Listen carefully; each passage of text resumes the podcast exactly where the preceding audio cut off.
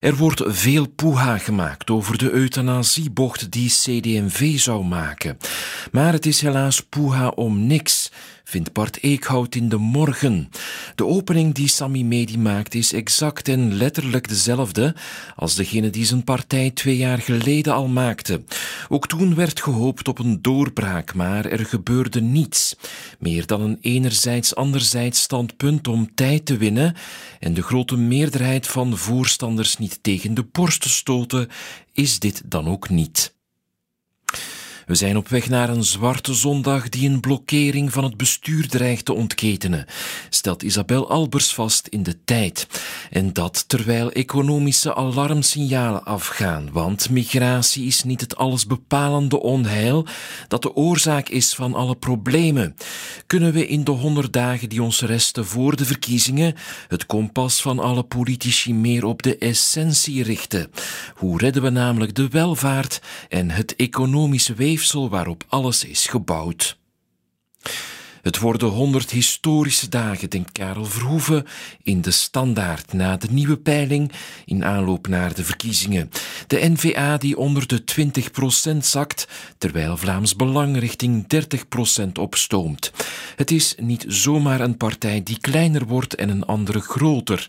Het is een reset van de Vlaamse politiek. We zijn getuigen van een wissel van de wacht, recht in de armen van politieke extremisten. Ook Yves Lambrix van het Belang van Limburg bestudeerde diezelfde peiling. Op minder dan 100 dagen voor de verkiezingen lijkt dit land verworden tot een schietkraam waar bange politici en boze burgers staan aan te schuiven om hun persoonlijke aanvallen met een loodjesgeweer leeg te schieten. Ons land lijkt een bananenrepubliek waar niets werkt en niets goed is. Het klopt dat we kritisch moeten zijn, maar we mogen niet afglijden naar verzuring. In de Gazet van Antwerpen kijkt Christophe Willocks ook naar de economie en de problemen bij busbouwer Van Hool.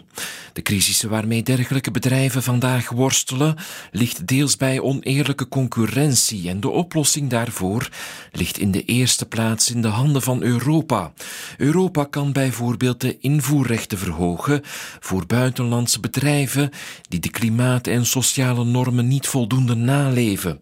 Dat leidt dan tot een meer eerlijke concurrentie en tot een beter evenwicht tussen lagere prijzen en het behoud van onze welvaart.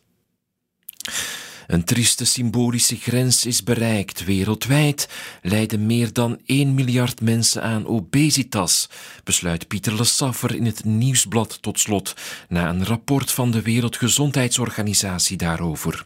Het is een zoveelste signaal dat er dringend veel meer op preventie moet worden ingezet. En daarbij horen dan eigenlijk gezondheidsdoelstellingen. Een streefdoel zou bijvoorbeeld kunnen zijn om het aantal kinderen met obesitas tegen 2040 met de helft te verminderen. Het is zaterdag 2 maart en dit waren de krantencommentaren.